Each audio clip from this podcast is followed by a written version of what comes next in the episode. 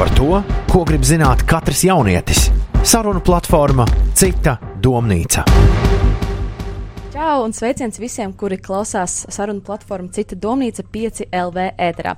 Mans vārds ir Monika Martinso un pastāstīšu tiem, kas šo sarunu platformu klausās pirmoreiz, ka šis ir raidījums, kuru veidojam īpaši jauniešiem, lai tev klausītāji un citiem klausītājiem veidojas priekšstats savus viedokļus par lietām, par tematiem, kurus mēs apskatām.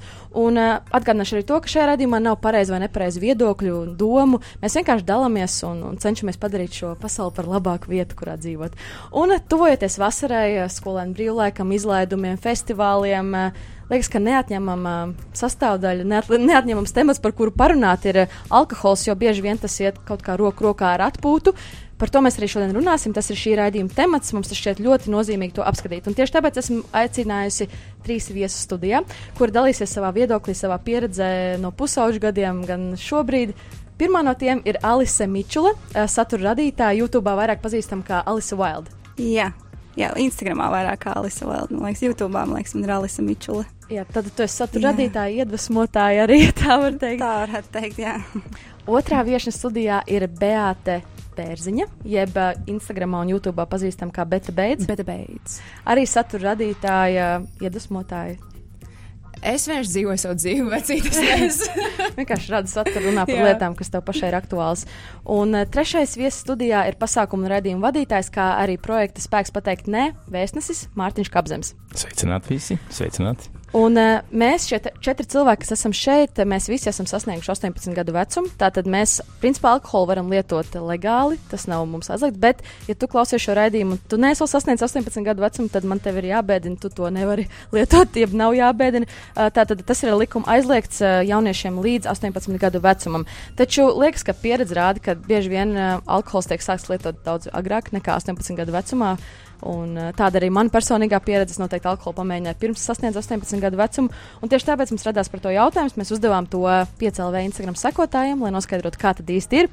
Un rezultāti rāda to, ka aptaujā piedalījās 778 cilvēki.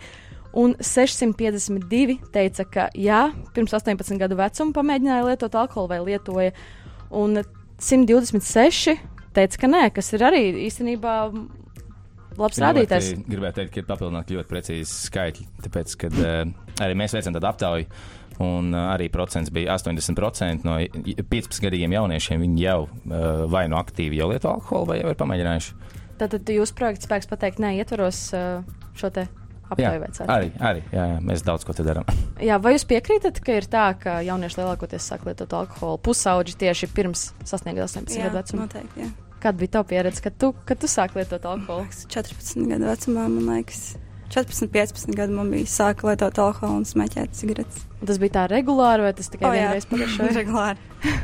un katru nedēļas nogali. Jā, tas bija arī tas, ko es redzēju tavā Instagram storijā, ka tu dalījies, ka, ka tā bija tavas dzīves sastāvdaļa ļoti ilgu laiku, un tieši tāpēc arī tu esi šeit raidījumā, jo tu dalies ar to savā pieredzē. Jā. Un, un, un tagad, kā tagad ir Mainījies? Um, tagad nu, man ir, es, ne, es negribu teikt, ka es nelietoju vispār alkoholu. Tas ir ļoti, ļoti rēti. Es nezinu, varbūt divreiz pusgadā, kā maksimums, un es uh, nepiedzeros vairāk. Tā kā man ir tās reizes, ka, ja es lietoju alkoholu, tad tas ir kaut kādos, varbūt, ģimenes pasākumos, svinībās, es izdzeršu vīna glāzi vai, es nezinu, jāņos vienu aliņu, un tas arī būs maksimums. Jā.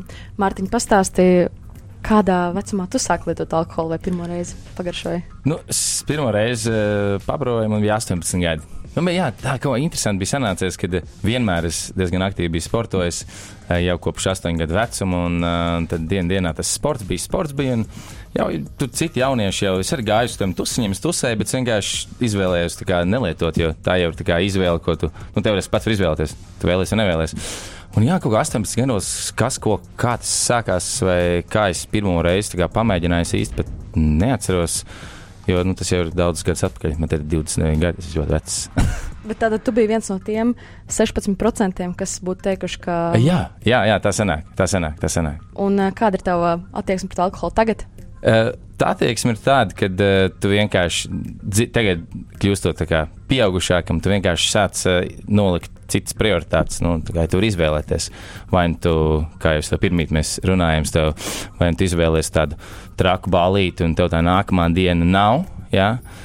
Vai arī tev, kā, tev vakarā padara kaut ko citu, jā, un tev ir tā nākamā diena, un viņi ir pilnvērtīgi.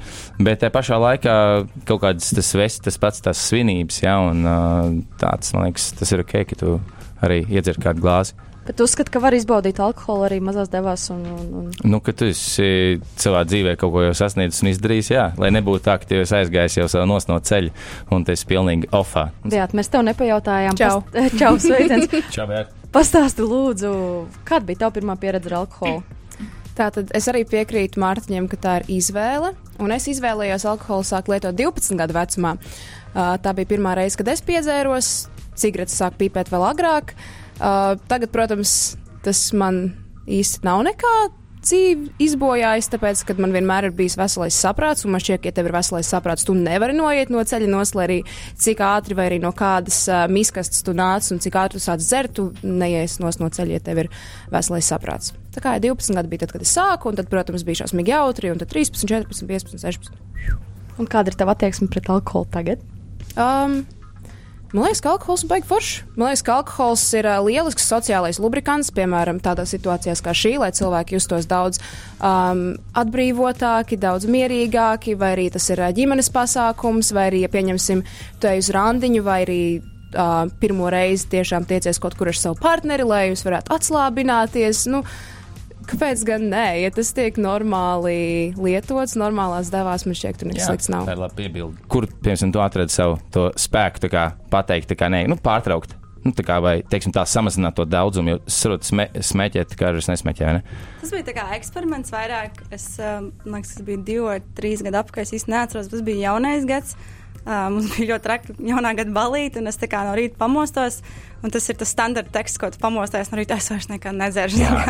šoreiz man bija tā, ka es varētu pamēģināt nelietot kādu brīdi alkoholu. Nevis es vairs nekad nedzeršu, vienkārši nu, pati sevi izaicināt, kā tas ir. Un uh, tad, jā, nu, kaut kādu, man liekas, trīs vai četri mēneši nelietoju nemaz. Tad bija kaut kāds pasākums, tad es atkal biju iedzēru, un tad tas tā kā nejūtos labi nākamajā dienā. Līdz ar to es sapratu, nu, priekš kam man to vajag. Nu, es varu izbaudīt laiku arī nelietojot alkoholu. Man ir jautri, un eh, man liekas, ir svarīgi arī kādi cilvēki tev apkārt ir tajā brīdī. Jā, tieši tā. Um, Mārtiņ, tu jautāji Alisai jautājumu, kā, kā atrast spēku pateikt nē, bet man būtu jautājums, kāpēc jaunieši to vispār sāk darīt tādā vecumā, kā tu sāk darīt, kā tu bijāt 12, 14, tas ir diezgan agri. Kā, kāpēc? 14, man liekas, tas jau ir rīktīgi vēl. Tas nav, jā. 12. Nu, 12 Tas jau ir noteikti. Kad vienkārši nav ko darīt, tāpēc.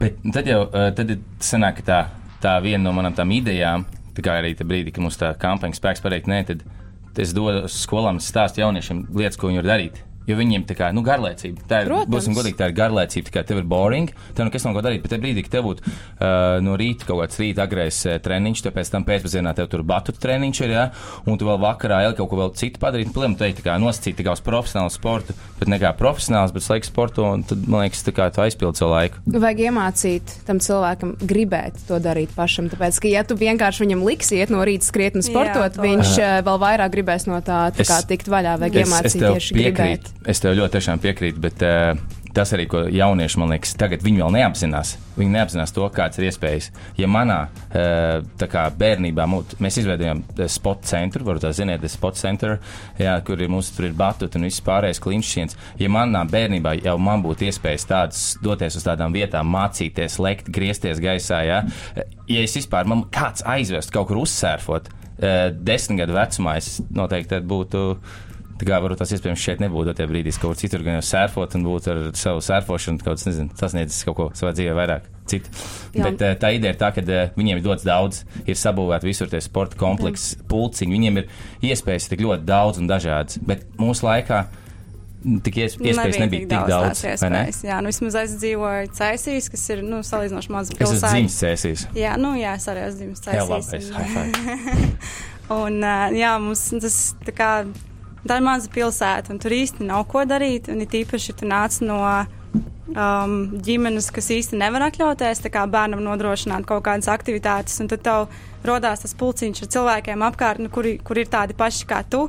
Un tad uh, vienīgais, nu, tas, kā, ko jūs nezinu, atrodat, ko darīt, tas ir alkohols. Tas ir vienkārši piedzerties, nezinu, darīt kaut kādas pilnīgas stulbības. Piemēram, Alis, tu tagad atceroties to laiku, kad tu lietoji alkoholu aktīvāk, tu to, par to priecājies, vai tu to nožēlo, vai kāda ir tava emocija atskats uz to tagad? Tas tev sāk, es nezinu, ietekmēt, piemēram, slikti, nezinu, skolā tu tagad uh, mācīsies slikti, vai kā manā gadījumā tas bija, man gandrīz no skolas izmet, un tajā brīdī man bija tāds tā kā klikšķis, ka es sapratu, ka, ok, kaut kas ir jāmaina, kā, ka nedrīkst tik daudz to darīt.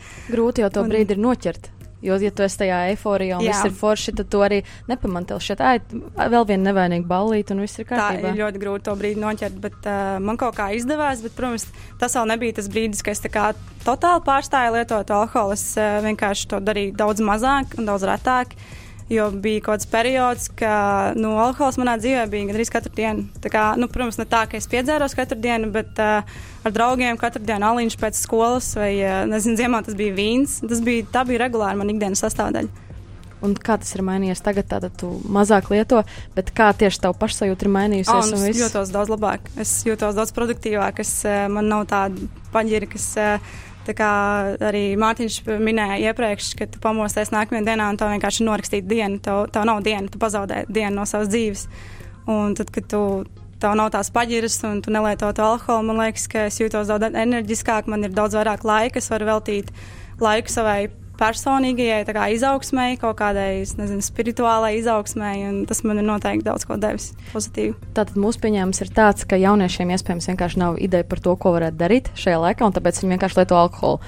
Vai tu piekrīti tam, Beata? Es tam gan piekrītu, gan nepiekrītu, jo otrs milzīgs faktors, kas ir jebkurā paudzē bijis, ir popkultūra, kam uh, sako jaunieši. Un tagad īstenībā alkohols nav tā lielākā problēma. Narkotikas ir lielākā problēma. Par to es varētu nākamreiz parunāt.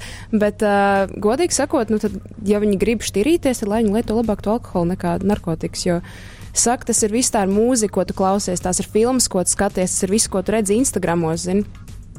Jā, bet tas jau kaut kādā brīdī var aiziet atkal par tālu, par atkarību, par, uh, Jā, par to, protams. ka tas tev jau traucē, kā Alis Jā, stāstīja. bet eh, daudziem maziem viņi jau arī, nu, kā tu saki, tu Instagram, tev pilnīgi piekrīt.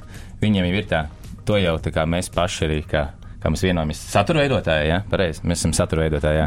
Satura veidotāji, eh, tas, ko tu liec tur iekšā, tas jau tiem jauniem, viņi jau skatās, viņiem tas ir tāds, evo, labais, viņ, nu, viņš dara tā, viņš dara šitā, viņi dara tā un šitā. Nu, tas jāmēģina ar tā, es, come on, viņi ir riktīgi forši vai viņš ir foršs un es tā gribu, jā. Un tad viņš mēģina tā kā, tā kā kopēt to, un kā, tur viņš velk tādas pašas drēbes, kādas tur tu velc, un uh, viņš redz, ja tur ir kaut kāds konkrēts zīmols, tur uh, aliņš, jā, tad uh, viņš tāds, ok, es ar te dzeršu to aliņu, tas tas pats foršais, un viņš redz, o, viņš iet uz turieni, es arī iešu uz turieni, kā, nu, viņam tā gribās, te, mums jāatcerās sevi, ka mēs bijām maziņi, mēs šeit redzējām, kā darīja filmās, tur James Bonds un, un cits, kā dara filmās, un tad, tad kā mēģina tam uh, sekot un to nedaudz iekopēt. Vai jūs jūtat atbildību par to? Es zinu, ka tu, Beata, es par to runāju arī savos video par šiem te, šo te bērnu ietekmēšanu, piemēram, ka tu it kā neuzņemies atbildību par to, jo kā vecākiem ir jāaudzina savu bērnu. Protams. Bet vai tu jūti kā pienākumu, ka tu varētu kaut kādā ziņā ietekmēt šo te alkoholu lietošanu, piemēram, vai kā? ir beidzot atklāta tā sezona, ka tu vari dzert pa dienu. Un e, tas nav nosodāms. Es domāju, ka es filmēšu šodien video, jo kas gan var būt slikts par ideju filmēt video, tad, kad tu esi nedaudz ierēbis, vai ne? Tas tā nav mana atbildība. Es vienkārši dzīvoju savu dzīvi, es viņu filmēju, es viņu parādu. Uh, daudz vairāk cilvēku var ar mani relētot nekā tā kā mm, sodīt par to. Es, es vienkārši esmu īsts. Es negribu būt vēl viens cilvēks, kurš ir neīsts, kurš nerunā par to, ko viņš dara, un melo internetā un tēlo no sevis kaut kādu superpareizo. Es negribu audzināt citu cilvēku bērnus. Tas nav mans pienākums. Ja tu esi vecāks un tu pamani, ka, hei, tā mana mazā meita, kurai ir astoņi gadi, skatās to tur, bet beidz YouTube, kur dzer šampanieti un lamājās, nu tad pasaka viņai, lai viņa tā nedara. Tā nav mm. mana atbildība. Lieliski ideja, Es tam Klau. Mums vajag vienkārši tās māmas un tētis tad, jā, Uzaicināt izglītot. Nē, protams, Bet es protams. pilnībā piekrītu. Jā. Īstenībā jāteic, ka uh, jāpiekrīt ir, jo tie vecāki, nu tā, viņi, come on, viņi arī vecāki, kas ir vecāki teorētiski. Nu, cik jums katram gadam, cik tev gadi? Jūs divi. 22 un tev? 27. Jā, 27, man 29 un tev ir. 22. Nu, redz, super, un tad mums plus mīnus to vecumu. saras. Ir jau daudz mūsu vecumā, viņi ir vecāki. Kā, un tas, ko mēs tiem bērniem, un tas nozīmē, ka tas ir tikai domājušie prāti, nu, ko mēs viņiem mācīsim, tas tā arī viņi attiecīgi izaugs. Un, jā, es domāju, ar vecākiem diezgan daudz jāstrādā un jādarbojas. Man tā vismaz liekas. Jā, un tieši to arī ir. ā, teikusi līdzīgi, kā tu pieminējies, jau narkoloģija Maija Jākapsona. Tad noklausīsimies, kas viņai ir sakāms par to, par ko mēs tikko runājam. Kāpēc tad jaunieši vispār sāk lietot, no kā viņi ietekmējas, par ko jau mēs mazliet parunājam. Klausāmies! Kāpēc jaunieši pusauģu vecumā sāk lietot alkoholu?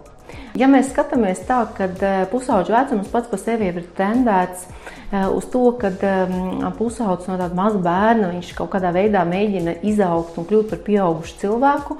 Un tas parasti notiek tādā veidā, ka viņš tā cenšas atdalīties no vecākiem, cenšas būt patstāvīgs, vai arī cenšas darīt tās lietas, ko dara pieaugušie. Un tas nekas, ka vecāki saka, nu, tu nedzer, ka tas ir slikti, bet bērns jau neklausās, ko tas vecāks saka. Viņš jau skatās, ko tas vecāks dara. Ja vecāki atpūšas pie alkohola un visi svētki tiek svinēti ar alkoholu, tad uh, viņš to uztver, ka tas ir ļoti labi. Viņš tā grib būt pieaugušs un darīt tādas lietas, ko dara pieaugušie. Būtībā jau gads ir pilnīgi pietiekami, lai izveidotos atkarību kā slimību pie regulāras alkohola lietošanas. Jā. Jā, nu, lielākā daļa jauniešu tomēr pusauģu vecumā nu, vēl nav atkarīgi, bet ir arī jau kas ir atkarīgi. Jā.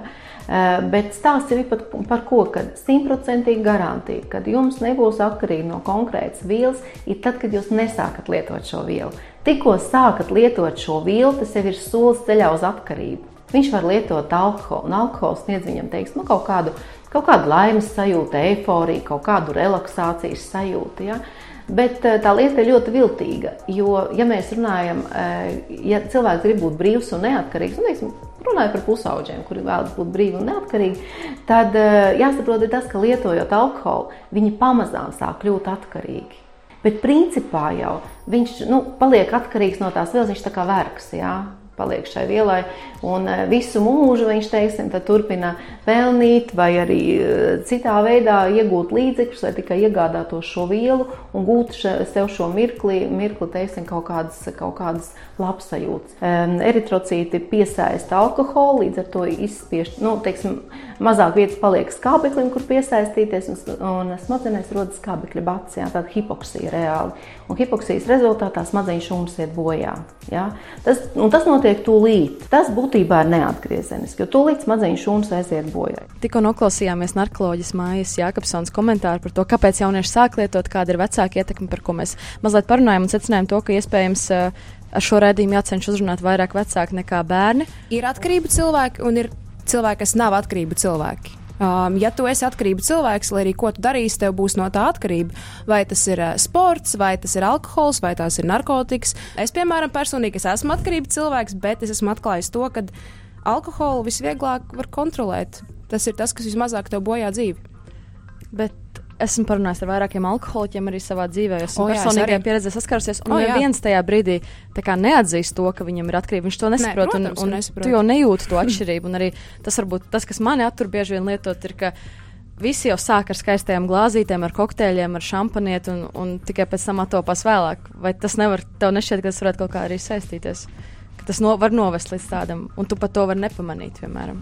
Nu, jā, bet būs cilvēki, kas būs alkoholiķi, lai viņi ir. Tu viņiem nevar palīdzēt, tikai viņi paši sev var palīdzēt. Un tu arī pats sev var palīdzēt. Ja tu jūti, ka tev pārāk daudz ir, nu, tad sāc domāt par savu dzīvi. Bet, ja tu nevari sev palīdzēt, tad nu, jā, ko es varu pateikt? No.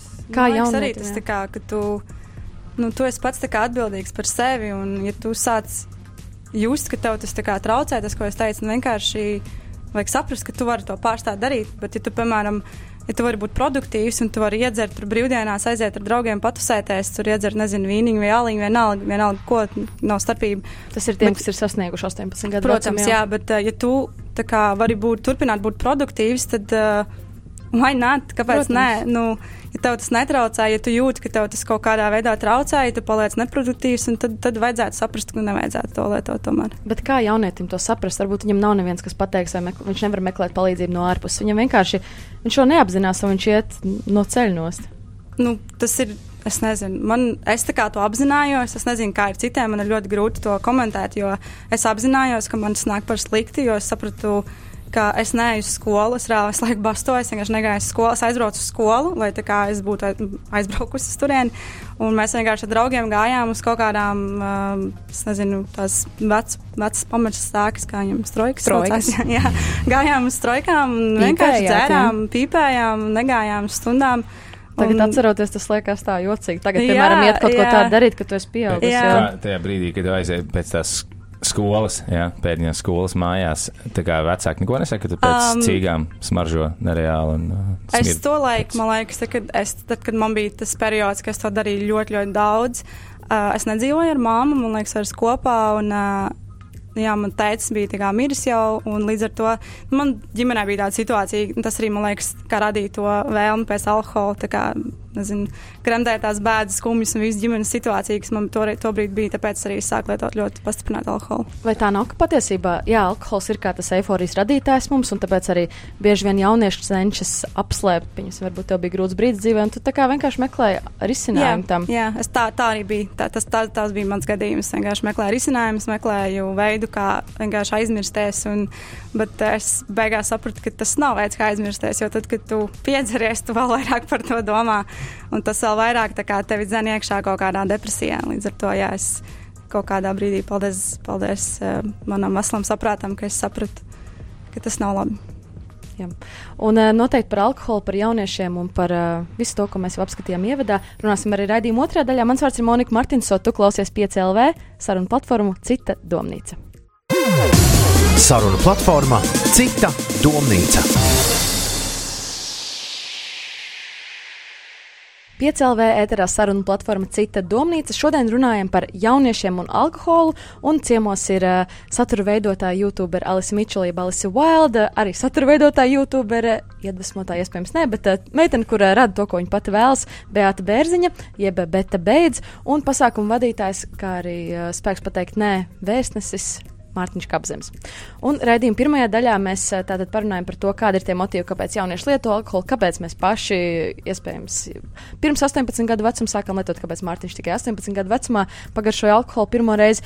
Un ā, vēl man gribētos parunāt par kultūru, par to, kā Latvijā ir pieņemts ā, lietot alkoholu, jo es uzdūros tādam interesantam video. Filipa bija bijis raidījumā kā viesis, mēs runājam par Latviju, varat pasīties uz atpakaļ to raidījumu.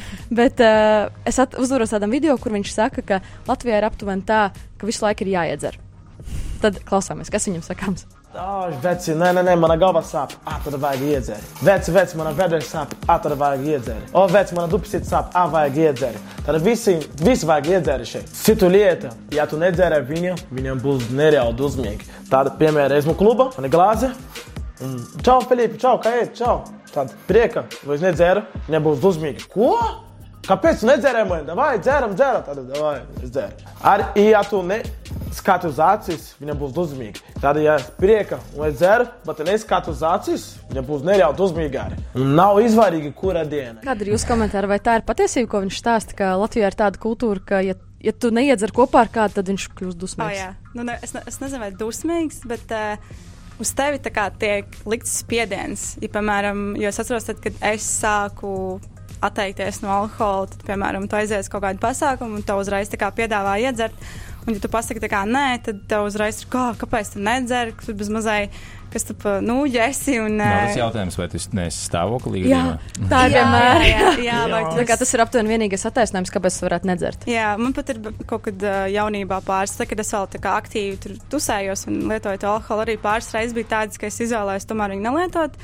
Nezinu, kaut kādu iemeslu pēc, un tad arī ir tas nenormālais spiediens no cilvēkiem. Un to pat īsti negribās teikt, ka tu nedzersi. Tu vienkārši paņem kaut kādu bezalkoholisko kokteili un tēlo, ka tu dzer, lai tev nebūtu tas kā spiediens, ka, oh, kāpēc tu nedzer, tā kā, vai iedzer, vai iedzer. Mums to pilnīgi tā kā spiež cilvēki iedzert. Tur es tev noteikti ļoti piekrītu. E, Bet ir tā lieta, ka e, tie noteikti, kas tev rada to spiedienu, tie jau nav tavi super tuvākie draugi. Vai tā nav? Vai arī super, tev reāli tā labākā draudzene, viņa teikt, ah, oh, ok, tu nedzers, nē, nu labi. Nu, tajā brīdī, kad viņi slikti par sevi jūtas, tajā brīdī Jā, viņi teiks. Viņi var arī tuvi draugi, var, tā kā viņi tīpaši viņi gaida, kad, o, mēs tagad iziesim piekdienu vai sestdienu patusēties, un tagad iedzersim, un tu tā kā pēkšņi pasaki, nu, es šodien tā kā nē. Un Viņam bija tā expectācija, ka, o, mēs tagad ritīgi tur piedzersimies, tur patusēsim, viss būs ritīgi forši, un tu tā kā pasaki nē. Viņam uzreiz ir tā, es nezinu, kaut kāda ideja, ka nebūs jautri. Tā kā, ja mēs, es arī- es kā- vakaru. Jā, tu sabojāji vakar, ja tu nedzeri mani Kretīns. kopā, lai gan, jā, lai gan var taču atpūsties arī bez, bet uh, daudz, man liekas, to īsti nezinu, ka var atpūsties bez alkohola. Par to uh, Felipes video. Felipa man ir čoms tā kā, bet es nezinu, kas. Kas tie pa cilvēkiem, kas saka, ja dubsītis sāp, vai iedzert, vai ja galvas sāp, vai iedzert, es pirmo reizi dzirdu, Jā, ka kaut tas, tas kāds. īstenībā man arī kaut kas tāds ir ir vairāk kā kā Humors pie- gan, jā. humors jā.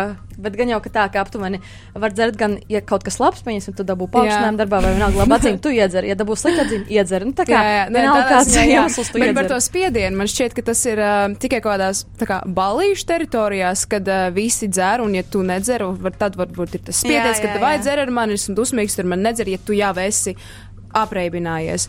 Bet ja jūs tikai ejat ārā, vai esat restorānā, vai esat kaut kādā pasākumā, kas ir tā kā nebūs, saviesīgāks pasākums, kas nav pilnīgs tus, tad nav spiediens, man liekas, Jā. dzert. Kas ir sliktākais, kas var notikt tajā brīdī, kad tu pasaki nē?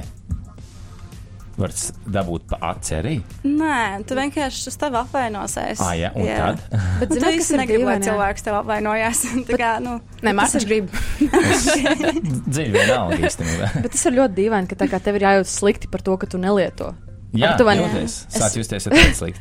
Jo es aptuveni arī esmu gājis un nelietojusi, un man aptuveni tā, nu, nu nekladzinu visiem, nestāst visiem, ka tu tagad nedzers, piemēram, šoku, jo tas ir aptuveni tā kā, ah, ok, man tas jāslēp un paklusot, tur jā, tiešām jāfēko, ka man Jā, kaut kāds jā. dzēriens ir. Tas ir dīvaini. Kāpēc Man, tā ir? Es nezinu, varbūt tās, tas ir kaut kādā vecumā, bet man baigi interesanti redzēt, ir satikot cilvēkus, kurus sen saticis, un tad viņš tā kā ļoti lepojas. Viņš pasaka, jā, zin, kā, es, es jau, te, jau, jau trīs mēnešus atturos no alkohola. Un, zin, kā, viņš tā kā to ļoti tā cēli pasaka. Nu, tādā vakarā, piemēram, tur mēs aizjām, nezinu, tur uz pagalmu, tur ir kaut kāds vakar, tas eh, tie ārā vasaras, kā saka, tusiņi čilaut, ja? Un viņš tik ļoti tā lepojas, jā, es dzeru ūdeni un tā. Un tas, man liekas, īstenībā es, es tikai tā kā pasaku, wow, forši labais, tas ir cool. Tā vajag darīt, nu. Tas arī ļoti atkarīgs no kompānijas un no vecuma. man. Tas ir arī, tāpēc es saku par tiem uh, draugiem. un Vai tie ir to, tavi cik īstie ļoti tas draugi attīstīts ir arī? brīdī, kad, nu, vai, eh, vai mani apkārt esošie draugi, vai kāds varētu apvainot, apvainoties tajā Jā. brīdī. Nu, tie pat arī nebūtu draugi, bet tie cilvēki, kas ir apkārt, vai viņi apvainotos, nezinu, pat 29 gadu, man liekas, tas tā vairs pieņemsim, ir, bijušas situācijas, kad nu, tas spiediens tiek radīts un par tevi tā kā bišķiņi paņirgājās. Un nu, nevienam nepatīk, ka viņi paņirgājās. Un tu vari, es nezinu, Kā tas ir ļoti iesmēja par tiem, kas uh, uz ceļiem rāpo mājās? Vai iesmējam? Iesmējam, viss vai ne? Jā, Iet. bet tu, piemēram, ir īpaši, tu esi jauns cilvēks, un tu esi varbūt kaut kādā vecumā, ka tev ir ļoti svarīgi tie apkārtēji cilvēki. Tev ļoti svarīgi, ko par tevi padomās, tev ļoti svarīgi, ko, kā par tevi izturēsies tavi, varbūt it kā draugi. Līdz ar to tu to uztversi nopietni. Pieņemsim, protams, šobrīd man ir pilnīgi vienalga, tā kā, ko cilvēki domā, vai es daru vai nedzeru. Man tas vispār neietekmē. Bet pusaudzim to noteikti ir grūti Es domāju, ka, jā, saprast. es domāju, ka ļoti daudziem cilvēkiem ir vispār ļoti svarīgi, ko par viņiem tā kā, domā citi. Tā kā sakārto to savu dzīvi, un tu saproti to, ka nu, tev ir tie cilvēki, tavi tuvie apkārt, un ko te pārējie domā. Nu, tā kā vienalga. Dzīves sakārtošana katram sākās citā laikā. Jā. Citam agrāk, citam Jā. vēlāk. Jā, Piekrīt. Bet kā tev ir? Tev ir, tu saki, tev ir vienalga, ko par tevi domā. Principā, kāds tev ir viedoklis par šo? Par, par, tā kā par iedzeršanu, vai tu iedzer tāpēc, ka kompānija, vai tu iedzer tāpēc, ka tev pašai gribās? Es iedzeru, tāpēc, ka man patīk. man es nezinu, es aizēju, satiekos ar draugu. Es būšu tā pirmā, kas pasūtīs vīnu glāzi. Viņa nezina. Es nezinu, man te vienkārši, nu, sastāv mēs uz pilsētnieci. Kam on, meitenes atslāpst? Ah, tu esi Rīgā dzimusi. Nē, esmu īstenībā no Jumpravas. Nu, jumprās. Jā, O, bet, mēs man- ārpus Man vienkārši tā, nu, es nezinu, zin, varbūt tas arī tāds. Kaut kādā stulbi teikt, bet, nu, man šķiet, piemēram, fifīgi iziet viņš iedzert ar draugu. Nu, kas tur slikts? Un kāda ir tā atšķirība starp es skaisti māku iedzert un, un es dzeru? Kāda ir tā atšķirība? Tas, tas, ko man liekas, uh, Beata mm. teica, ka tu aizēji nu, tā kā ar, ar draugu, iedzer vīna glāzi vai divas, nu, tas vienkārši tā kompānijas pēc, vai tu aizēji piekdienā, es nezinu, desmit Man šķiet, ka tas ir tas brīdis, kad tu piedzeries. Tas ir tas, kas to atšķir. Jo es, Jā. piemēram, nekad nepiedzeros. Jo es jūtu to, kad man iet no rociņas ārā, kad alkohols man tagad pazaudēs kontroli galvā. Viss beidz dzert. Tas man ir šķiet, tas ir tas brīdis. tas ir labs, ja tu piedzeries, un ja tu regulāri piedzeries līdz tā, ka cilvēkiem ir kauns ar tevi staigāt, nu tad tā ir problēma. Jā, es totāli piekrītu. Bet man liekas, ka ļoti daudziem ir grūti noķert to brīdi, kad tu kā var, nu, ka nevajadzētu vairāk to alkoholu dzert. Bet, ja tu māki uztvert to, ka tev, oh, tev ir, es nezinu, tu tā kā esi iedzērs, tev ir, tev ir varbūt jautri, tu paliec bišķiņ atvērtāks, un, nu, viss tad vairāk arī tā kā nevajag. Nu, Man šķiet, ļoti labi jūtu to brīdi, kurā brīdī Jā. jūs zināt, to, bet jūs visi zinat to brīdi, kad jūs iedzerat to vienu kokteili, un jūs jau, oh, šito man nevajadzēja. Un viss tajā brīdī, viss tad tu pārstāji. Jā. Tas, tas, tas, man liekas, tā ir tāda tā kā, ļoti, ļoti plāna līnija. Tā kā, mm. Tu, tu tā kā dzer, un tev ir, ir forši, un tad, nezinu, pieteik vienu, vienu malku, pieteik ekstra paņemt un visu to jau pa daudz. Mēs runājam tikai ar tiem, kuri ir sasnieguši 18 gadu vecumu, Protams. jo uh, līdz 18 gadu vecumam lietot alkoholu ir aizliegts. Un tātad pirmais secinājums, ko mēs jau noteikti esam secinājuši, ka izvēlēties draugus, laikam šķiet tā O, jā. pareizākā Jā, izvēle, jo kompānija. kompānija, kurā tu esi, ļoti daudz ko nosaka. Ja Tiešām, ja arī vecāki redz, ka bērns uh, pavada laiku ar draugiem, kur nav labvēlīgi, tad kaut kā ir jāmēģina Jā. tikt vaļā. Vai pašam jāsaprot, ka kas tev ir labākais dzīvē, jo pienāks tāds brīdis dzīvē, kad Nu. nu, tu vari pazaudēt visu arī ar to, ka tu Protams. Jā. Tajā brīdī vienīgais ir jāuzmanās ar to tā kā aizliekšanu. Kad viņu sāks vest uz kaut kādiem pulciņiem, jā, jo bieži vien vecāki arī tādi, viņš aizved bērnu pulciņu, un tas bērns tāds, ah, nē, šis nav priekš manis. Un Ok, tad nē, sēžu, sēd mājās, jā. Nē, viņi nolaiž rokas, viņiem tad, ah, nu labi, tad, ah, viņš, viņš jau negrib sportot, man ir sīkais. Nē, vienkārši tu viņu neesi aizvedis uz pareizo treniņu. Tev viņš ir hmm. jāved, ved, va, piedāvā variants, reāli piedāvā variants, kur doties, ko darīt. Jo es, es varu vienu lietu tiešām pateikt, ka katram cilvēkam, katram, katram no mums ir savs reāli. eh, Tā kā nevis uh, mīļākais sporta veids, bet sporta veids, kurš tev ir kā reāli tev dot rītīgo hype. Jo tas, ko es iegūstu tajā brīdī, kad sāku surfot, un tā sajūta, ko es iegūstu surfot, ne, nekas pilnīgi nevar iedot tādu sajūtu. tas vecums, ka tev ir jāuzman tavs bērns, desmit gados tev ir jāsāk ar viņu runāt, desmit gadu vecumā tev ir jāsāk viņam vienkārši drillēt iekšā galvā, kad dzert nav krūti. Lietot narkotikas nav krūti. Tas būs, esi labāks par to, jo tu nevari to pasargāt. Tu bērnu nepasargās, bet vismaz varbūt tu vari to laiku novilcināt līdz brīdim, kad viņš beigās salūzīs zem tā spiediena, vai tomēr gribēs pamēģināt. Un tas, kas man arī šķiet svarīgi, ir. Um, Vecākiem atļaut bērniem dzert ar viņiem mājās. Labāk tā, nekā ka viņš iet ārā meklē nepatikšanas. Jāmāk bērns pieņemt ir un pieņemt tas, ka viņš gribēs to darīt. Un, ja tu redzi, ka viņš grib to darīt, tu neizmainīsi to. Tu viņam ar to, ka tu viņam pateiksi, ka nedrīkst, nevajag slikti pēies uz policiju, zini, viņam tas neko nemaina. Es esmu policijas busiņa aizmugurē bijusi, vai ne? Man arī tieši par alkoholu lietošanu 16 gadu vecumā man aizturēja policijas, bija policijas busiņa aizmugurē, man veda uz iecirkni viss tā, tā, tā. tā. Bet, um, Vajag atļaut bērniem justies ērti pašiem savās mājās, lai viņi negrib skriet kaut kur citur. Jo, ja es būtu varbūt jutusies daudz ērtāk savās mājās un varbūt vairāk gribējis tieši ar vecākiem pavadīt laiku, varbūt es būtu arī palikusi mājās un iedzērus vīnu ar māmu, Jā. piemēram, zinu, ne jau 13 gadu vecumā. Protams, Bet, nē, nu, pie, teiktu, nu, 15, varbūt, nu, ja ir savu vecāku uzraudzībā, nu, Nu, es gribēju tikai papildināt arī sākumā, kad man pieteicis, teica Mārtiņš Kāpzins, kurš uh, pirmo reizi pagājušajā alkohola 18 gadu vecumā. Tā gan nav patiesa informācija. Tāpēc, ka arī jaunības dienās, kad bija tās svinības, man vienmēr bija iespēja, es varēju pagaršot jebkuru pudeli. ļoti. Tāpēc, ja? ka, nē, kā es, es pagaršoju, un tas, uh, tēm, wow! Nē, bet, ja šito? tev atļāva dzert, tev tas tik ļoti Nē, neinteresēja. man sanāk. vispār, man, nu kā, nebija tāds. Man arī nebija tas, tu teici, ka vajag drillēt, cik uh, slikti tas ir un ko un kā. Es, es varbūt, es ļoti ceru, ka es te nesamānos. Es reāli kaut kā neatceros. Ja manā māte šo klausās, viņa teiks, ka viņa man ir tomēr drillējusi, bet baigi muļķīgi. Bet reāli tiešām tik daudz, cik es atceros, man nebija tāda Nu, drillēta. vienkārši vadīt bērnu. Es bija domāju, tas, ko es nedrillēt, domāju. jā, bet vairāk nedrillēt, ka tas ir slikti, bet tā kā pastāstīt, kādas ir opcijas. Nu, tiešām runāt, runāt, Nopietni runāt, runāt, jā, jā. nopietni Jā. runāt, jo bieži vien jau vecākiem nav laiks. Un, un, Jā, jā, jā. un, un, Un ar tā ko ir- viņš tur tusē, jā, tā ir liela problēma, ka vecāki nu, tā kā paši nerunā par tādām tēmām ar bērniem. Vienkārši pasaka, tu nedrīksti vai tas ir slikti, bet īsti neizskaidro. Kā, nu, Kāpēc tas, tas ne? pats arī tas uh, variants, ka vecāki paši to dara, piemēram, tur, nu, es nezinu, tusiņos vai kaut kādos savēsīgos pasākumos vai kādās dzimšanas dienās. Man pat liekas diezgan dīvaini, es nezinu, varbūt es esmu vienīgā tāda, bet, piemēram, ir bērnam kaut kāda viena gada balīte vai divu gadu jubileja, un vecāki dzer, un bērni spēlējās. Man tas liekas ļoti, ļoti dīvaini. Tas ir gan dīvaini. Tas ir ļoti dīvaini. Un Tas, tas arī rada, kā, un tad katru gadu šis tā notiek, un, un bērniem jau rodās tas priekšstats, ah, nu, re, kur ir svinības, ir tusiņš, un tad ir jālieto alkohols. Tā ir kultūra, Tas, tā tā, kā tā ir tāda, kultūra, jā. un tad tas vecāks teiks, bet alkohols ir slikts, bet pagaidi, nu, tu, tu, tu visu laiku lieto to alkoholu. Nu, Es kaut kā tikko sāku to stāstīt, es nedaudz sāku atcerēties to, ka tajā brīdī, kad uh, es biju arī maziņš un līdz šim brīdim.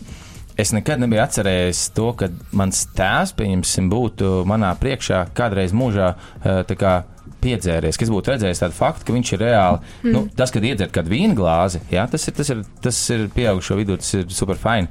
Bet uh, tajā brīdī, kad, uh, kad redzēt, ka viņš tur rāpo pa zemi, jā, man liekas, tas bērnam varētu iedot baigot traumu. ir tas varbūt "Wow, arī ir iemesls, kāpēc okay." tu nu, nelietoji to alkoholu tajos tīņu gados. Varbūt tas- es arī viens no tiem- sāku domāt. Vienkārši tev, tev tā kā, jo tas ir ļoti, ļoti svarīgi. Nu, kā tas vecāku piemērs ir pats svarīgākais, nu, kad bērns aug un uh, Es nezinu, es, es neesmu dzirdējis no dzīves tādu gadījumu, ka vecāki vispār nelieto alkoholu un bērns ir, nu, nezinu, tur totāli tusējās. Es neesmu dzirdējis tādu gadījumu. Tādā ziņā tev, Mārtiņ, paveicies arī ar to, ka tev tik liels vecāks, kas varbūt. Jā, sveicien maniem vecākiem. Paldies, viņi nenormāli forši. Off topic, ja tu sāki pagaršoju alkoholu, tu nesāki dzert nevienā brīdī, bet pagaršoju alkoholu 18 gadu vecumā.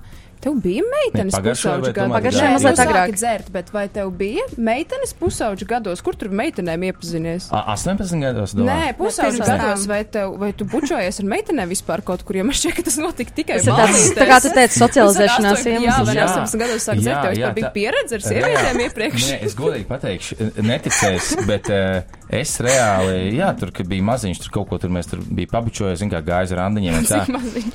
Nu, es domāju, ka, nu, tie sweet uh, 16, Mhm, jā, jā. un tā. Bet reāli, uh, es nezinu, nu, ja tu domā, gan jau, ka nevainības zaudēšanu kaut kādas lietas, ne? Tas bija 18 gadu vecumā, arī 18 gadu vecumā. Jā, 18 Nē, gados. makes sense. Bet es nebiju piedzēries, un es nebiju katrā ziņā Jā, jā. alkoholu lietojis. Es vienkārši biju, kā saka, maziņš, eh, pirmā mazā bērnības dienas mīlestība, un, eh, nu, bērnības diena 18. Vienkārši es varbūt tās dēļ tās sporta kaut kā diezgan ilgāk bija tāds fresh, tā kā jaunietis, jā, un tad, eh, tad jā, tur tā notikās, un viss foršs, jā. Bet katrā ziņā tas nebija tā kā, ka tu esi baigais tur sadzēries. Jo un man tad- šķiet, ka visiem tās pirmās pieredzes tomēr veidojas kaut kādos. Sasaistībā ar Jā, alkoholu. jā, ne? jā.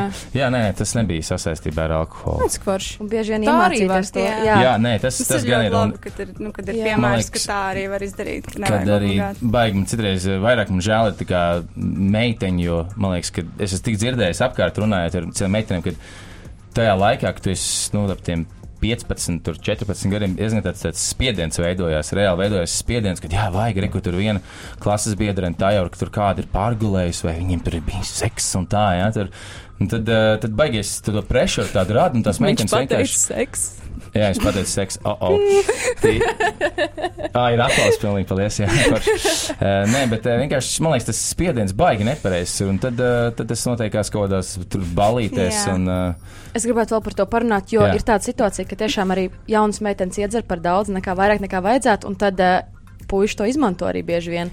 Un tas arī O, ir ļoti jā. skumji. Jo, piemēram, un tajā brīdī uh, meitene piedzerās iespējams pirmo reizi, un viņai tiešām nu, drausmīga pieredze, un viņai jau ir slikti, un vēl viņu kāds izmanto, un viņai tā ir vienkārši drausmīgākā atmiņa viņas dzīvē. Jā, man ir tāds atmiņas, šausmīgi, tāpēc vajag ļoti sargāt savas meitas. Tas ir šausmīgi. Bet arī puišiem, piemēram, arī tas ir drausmīgi, ka tu izdari kaut ko tādu otram cilvēkam, meitenei, piemēram.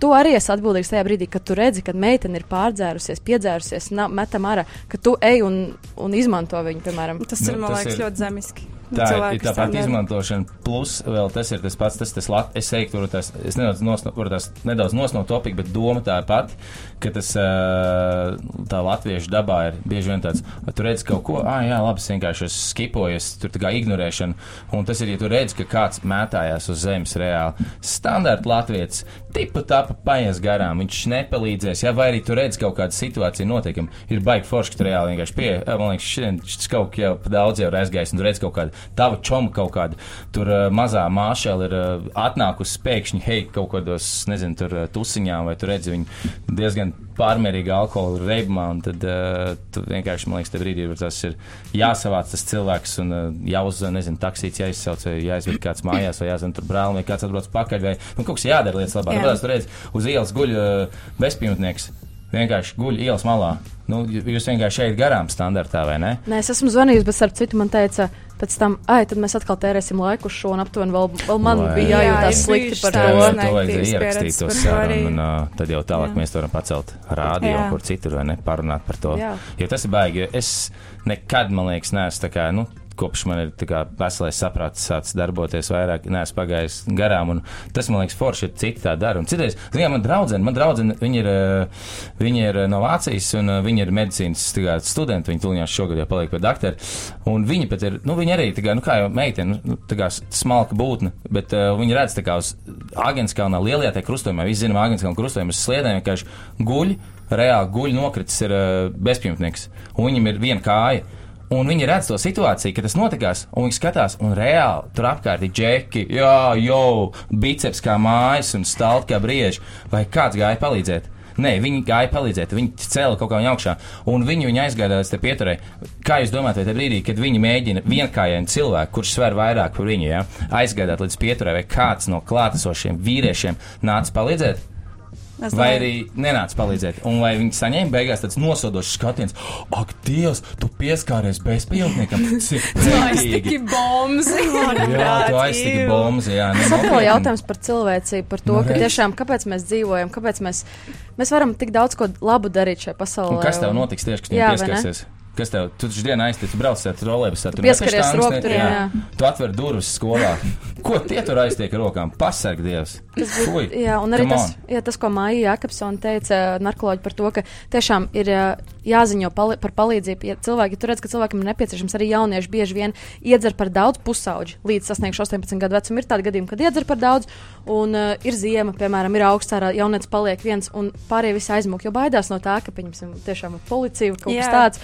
Bet tiešām ir jāziņo par Protams. palīdzību. Tagad m- mums ir tāds dzīvesveids, 21. gadsimta dzīvesveids, mēs ne par ko neuzņemamies atbildību, mēs dzīvojam tikai sev, un tā, nu, tad mums nav jādomā par to, bet tomēr, kāpēc mēs dzīvojam, mēs esam cilvēki, mēs esam cilvēcīgs būtnes, tas mums ir emocijas un viss, un mēs varam darīt labu. Es gribētu vēl pateikt par tiem jauniešiem, kur arī, kā, kā tu teici, tur, nezinu, pārdzerās, mētājās kaut kur pirms, pirms 18 sasniedz tādu gadījumu. Ir tādi, ir, man liekas, daudz.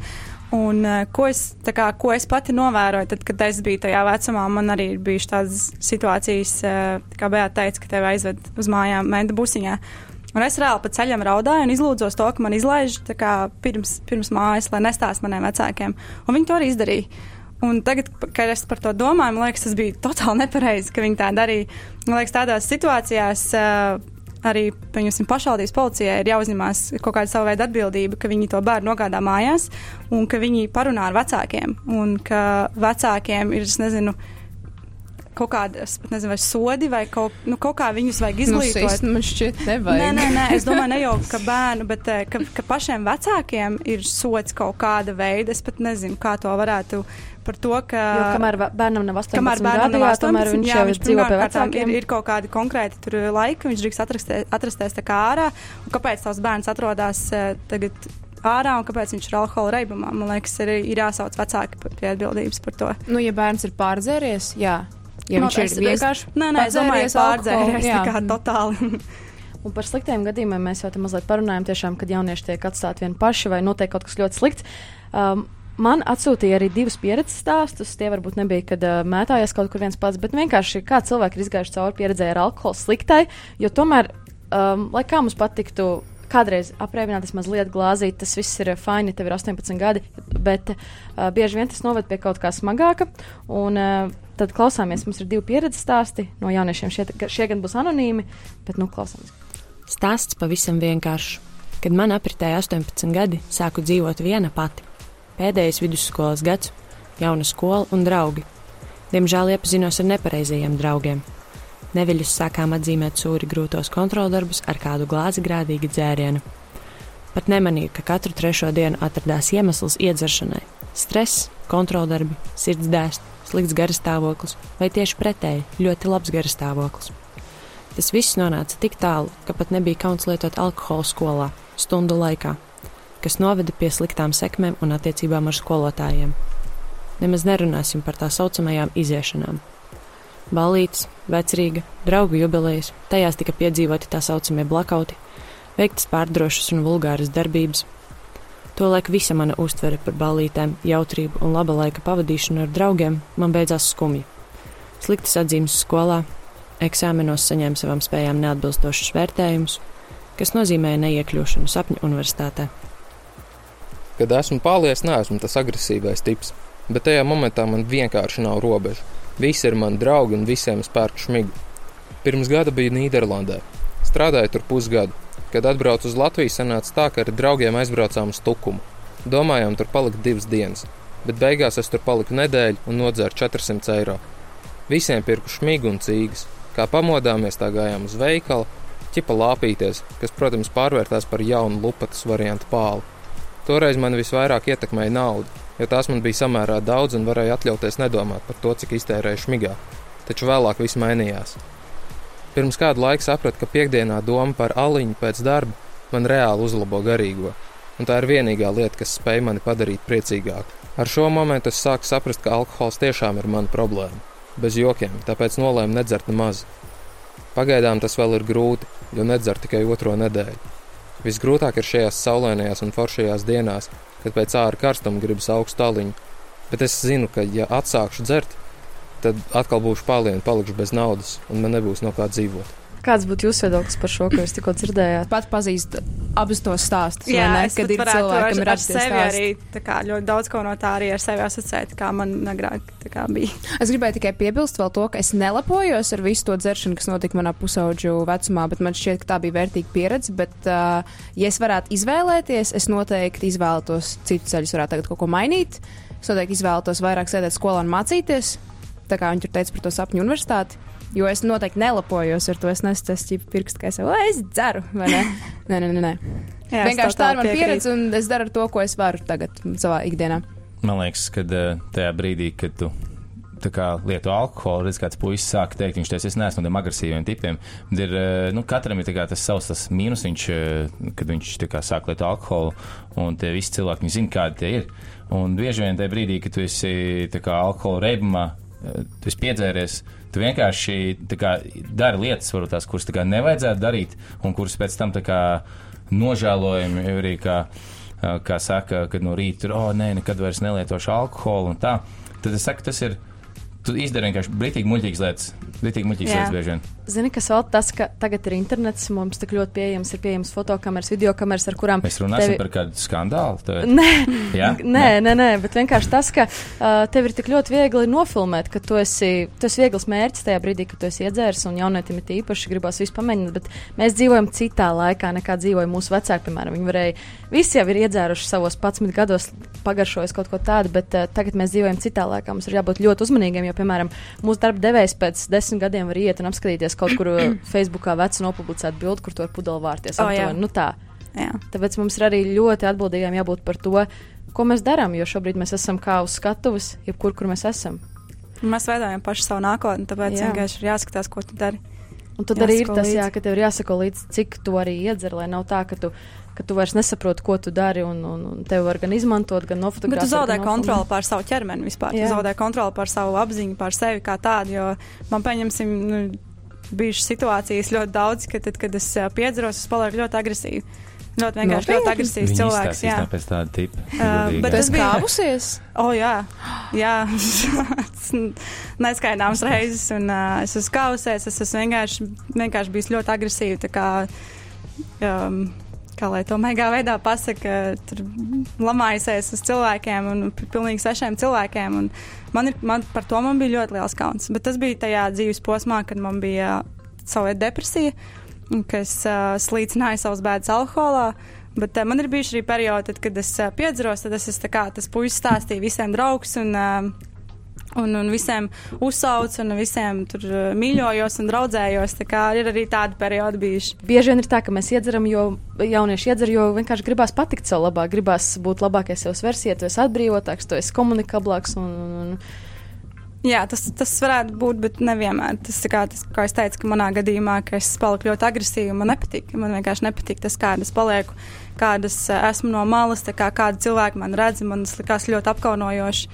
Un man liekas, ka bieži vien ir tas, ka tu pats neatcerēsi, kā, kā tas uzvedies. Ja tev nav draugi, kas tev pievaktē, kas tev pasaka, Alise, nedari tā, tas, tas, ir, tas ir stulbi, ko tu dari. Tad tu vienkārši, es nezinu, tu vari Bet tagad, man liekas, jau viss filmē, un tev pēc tam parāda vienkārši video. Jā, bet, jā. Jā. Tas var sačakarēt attiecības ar draugiem, ar ģimeni. Ar, nu, tas vienkārši tev var ļoti slikti beigties. Man, piemēram, ir otrādi. Man tā kā, es neteiktu, ka man patīk tā personība, kas es kļūstu, kad es esmu dzērus, jo man šķiet, ka esmu rīktīgi forši, ka esmu skaidrā, bet es esmu tā kā antisociāls cilvēks, man patīk visu laiku sēdēt mājās, un es tiešām.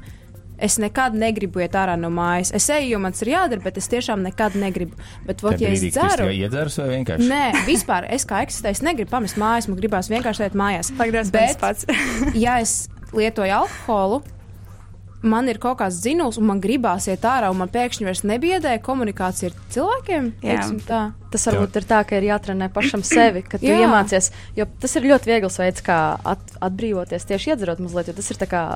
Kamēr tas ir nav baigi regulāri, kamēr tas ir par atam kādu vainu. Jā, bet varbūt ir tas, ka ir um, jaunietim, piemēram, ir jātrenē sevi vai nu jāiet uz kādiem, nezinu, improvizācijas teātriem, tur jāmēģina. O, jā, nevar sēdēt mājās. Jau jaunieši nevar sēdēt mājās pie datora, tā kā 5-6 stundas dienā iet ārā ar draugiem, dariet kaut ko, tāpēc, ka jūs paliksiet antisociāli, un tad jums būs bailes iet ārā no mājas, jūs laikam gribēsiet sēdēt pie mājas un pie datora, un viss ārā liksies bailīgi. Tāpēc jā. ejiet ārā, kamēr jums vēl neliekas bailīgi. tu klausies 5 LV, mans vārds ir Monika Martinso, saruna platforma Cita Domnīca, trešā daļa jau pēc neilga brītiņa.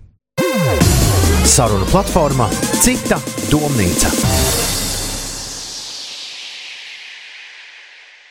Šodien saruna platforma Cita domnīca runā par alkoholu, un mēs esam ļoti veiksmīgi jau pietuvojušies raidījuma trešajai daļai, kurā mums atlicis ir vien noklausīties neviena cita kā maestro Raimona Paula komentāru par jauniešiem, alkoholu, ko viņš par to izdomā. Klausāmies! Es viņam ieteiktu turēties tālāk no vis tā. Es esmu pats izgājis cauri savā dzīvēm ļoti bēdīgiem momentiem, un es to zinu, ko nozīmē aizraušanās ar alkoholu. Nu, viegli jau ir pateikt, nu, kā tu iztiks, teiksim, tur jubilejās vai kārzās, nu, kaut kur jau. Ja cilvēks māca ar mēru iedzert, tad tā ir cita lieta. Bet bieži vien jau tas pārvēršas par slimību. Es esmu pārāk daudz savus labus draugus zaudējis tieši alkohola dēļ. Ja variet turēties tā, pēc iespējas tālāk no tas lietas. Tas atkal viss ir no, no rakstura, no, no cilvēka. Gribas spēki, ja, vai, vai ne, vislielākā nelaime jau ir, ka tu ne, sāc pierast un tu nevar vairs no tā, tā, tā atteikties. Un tur jau ir tā bīstamība. Es saku, turēties pēc iespējas tālāk, pēc iespējas tālāk. Lai gan kārdinoši šodien ir visi veikali pārpildīti ar visādām no, superfirmām un garšīgām lietām, ja, un tā tālāk. Es visu to saprotu kad tieši ģimenes sabrūk, jā, alkohola dēļ. Nu, nu, nu, viss kaut kas, nu, nu, nu, jāmēģina, jāmēģina no viņa tikt pēc iespējas tālāk. Es domāju, ka Maestro ļoti spilgti pateica savu viedokli par alkoholu, un uh, viņš teica, turieties no tā pa gabalu, un viņam ir 83 gadi. Es domāju, viņš ir ļoti daudz ko piedzīvojis savā dzīvē un sapratis, ka tiešām alkohols var nodarīt ļoti daudz kā ļauna. Un, uh, tāda noteikti ir atziņa, ka alkohols ir viennozīmīgi ar negatīvo zīmi, lai arī tas spēj iedot kaut kādu eifórijas, atbrīvotības sajūtu, bet tāpat tas kopumā ir ar negatīvo zīmi. Kāda tev vēl ir sajūta pēc raidījuma, pēc tā, ko mēs izrunājam? Uh, nu, man, protams, gribētos teikt, nedzeriet alkoholu, bet es zinu, ka nu, cilvēki lietos alkoholu, arī lietos uh, pirms 18 un pēc 18. Man liekas, galvenais ir uh, neļaut tam sevi slikti ietekmēt, neļaut tam pārņemt tevi, tavu, tā kā, varbūt. jā, neļaut tam tevi kontrolēt, neļaut tam tevi ietekmēt tavu dzīvi tā kā negatīvi. Lietot alkoholu, bet neļaut alkoholam lietot tevi. Jā.